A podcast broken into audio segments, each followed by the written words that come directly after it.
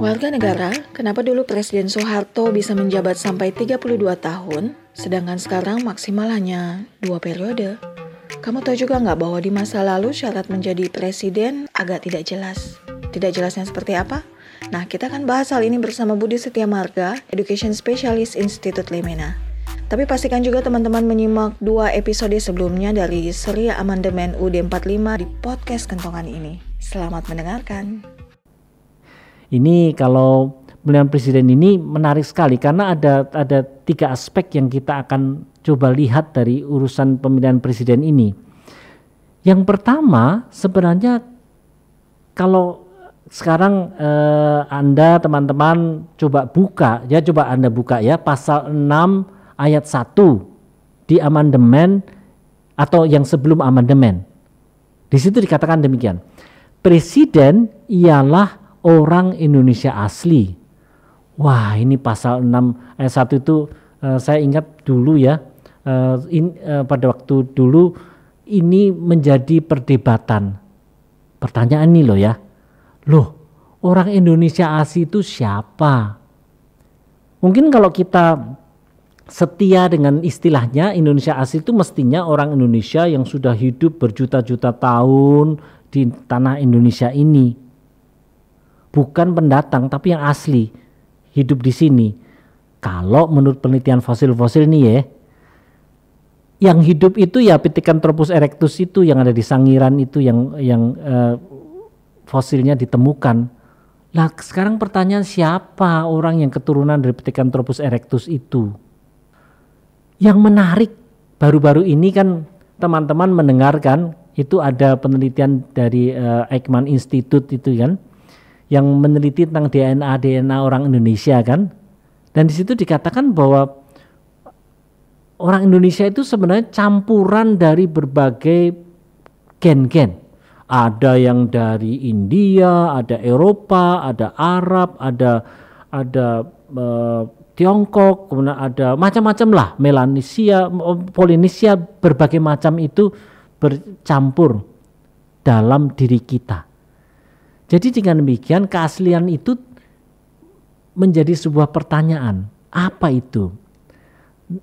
Bagaimana ini kemudian di dalam amandemen ini diselesaikan? Yang menarik sekali dikatakan demikian. Yuk kita baca ya.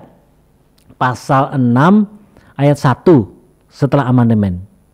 Gini, calon presiden dan calon wakil presiden harus seorang warga negara Indonesia sejak kelahirannya. Jadi keaslian itu bukan berkaitan dengan masalah sudah berapa lama berada di bumi Indonesia ini, tapi keaslian itu dikaitkan dengan warga negara Indonesia sejak kelahirannya. Jadi bukan naturalisasi, tapi kalaupun orang tuanya itu naturalisasi, anaknya sudah lahir sebagai orang Indonesia, warga negara Indonesia sejak kelahirannya, maka dia bisa menjadi calon presiden ataupun calon wakil presiden tidak peduli dia berasal dari keturunan apa. Ini sebuah terobosan Bhinneka Tunggal Ika yang hebat. Ya, hebat. Jadi sesuatu keaslian itu menjadi sesuatu yang sifatnya warga negara Indonesia sejak lahirannya. Mungkin teman-teman nggak menyadari tentang hal ini.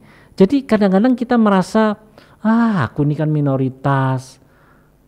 Ya karena aku ini kan warga keturunan. Ah aku ini kan ya. Tapi kita ini warga kalau anda warga negara Indonesia sejak kelahirannya maka tidak peduli anda ini keturunan apa ndak. Enggak mau keturunan Arab keturunan Tionghoa keturunan India keturunan Eropa no problem. Kita bisa menjadi calon presiden dan calon wakil presiden tanpa memperdulikan tentang masalah keaslian tadi.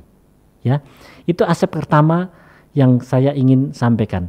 Aspek kedua tentang pemilihan presiden ini ada di pasal 6 ayat 2. Kita lihat kalau ada yang pas lagi uh, buka ya, coba perhatikan pasal 6 ayat 2. Dikatakan demikian.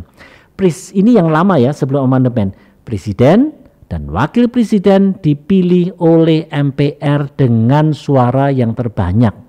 Hai, kalau kamu merasa podcast ini bermanfaat, dukung kami, like, dan share kepada orang-orang yang kamu anggap suka juga dengan hal-hal seputar kebangsaan. Nah, ah, jadi pada waktu itu ya pokoknya asalkan MPR mayoritas setuju ya presidennya ini ya jalan. Oleh sebab itulah kita melihat bahwa eh, selama uh, eh, MPR menghendaki Pak Harto ya diangkat ya. Bagaimana sesudah amandemen? Di sini kita lihat pasal 6A ayat yang pertama dari Undang-Undang Dasar yang sudah amandemen. Nah, begini teman-teman, ya. Presiden dan wakil presiden dipilih dalam satu pasangan secara langsung oleh rakyat. Makanya Anda dan saya bisa nyoblos kan waktu Pilpres. Jadi kita tuh benar-benar nyoblos, kita benar-benar memilih sesuai dengan hati nurani kita. Kita boleh milih siapa yang mau yang bisa menjadi presiden itu. Walaupun ada yang mengatakan, aduh biayanya mahal banget itu, aduh menimbulkan keonaran. Ini adalah pembelajaran demokrasi. Dan ini pembelajaran ini menjadi sangat sehat. Sangat sehat karena setelah itu kita bisa berteman kembali kan. Ya, berteman kembali dan kemudian e, perbedaan itu tidak menghalangi Anda dan saya untuk bersahabat kan? Ya, Nah, jadi ini kembali menunjukkan secara jelas bagaimana kedaulatan itu berada di tangan rakyat. Kerasa kan? Voting itu kedaulatan berada di tangan rakyat dan suara kita itu menjadi sangat berharga. Bahkan beda satu, satu suara ya, itu bisa sangat berpengaruh. Ya, bisa sangat berpengaruh di dalam proses pemilihan tersebut. Jadi dengan demikian ini aspek kedua yang kita perlu perlu soroti ya. Aspek ketiga tentang pemilihan ketiga dalam pemilihan presiden ini ada di pasal 7. Ya pasal 7 dari amandemen eh, sebelum amandemen dikatakan begini, presiden dan wakil presiden memegang jabatannya selama masa lima tahun dan sesudahnya dapat dipilih kembali. Ah, coba sekarang saya tanya kepada Anda semua. Presiden boleh mem, boleh mem, memimpin negara berapa lama? Ya, dikatakan gini ya, selama masa lima tahun dan sesudahnya dapat dibeli kembali. Apakah satu periode? Dua periode? Tiga periode? Eh, nggak ada batasannya nih kan?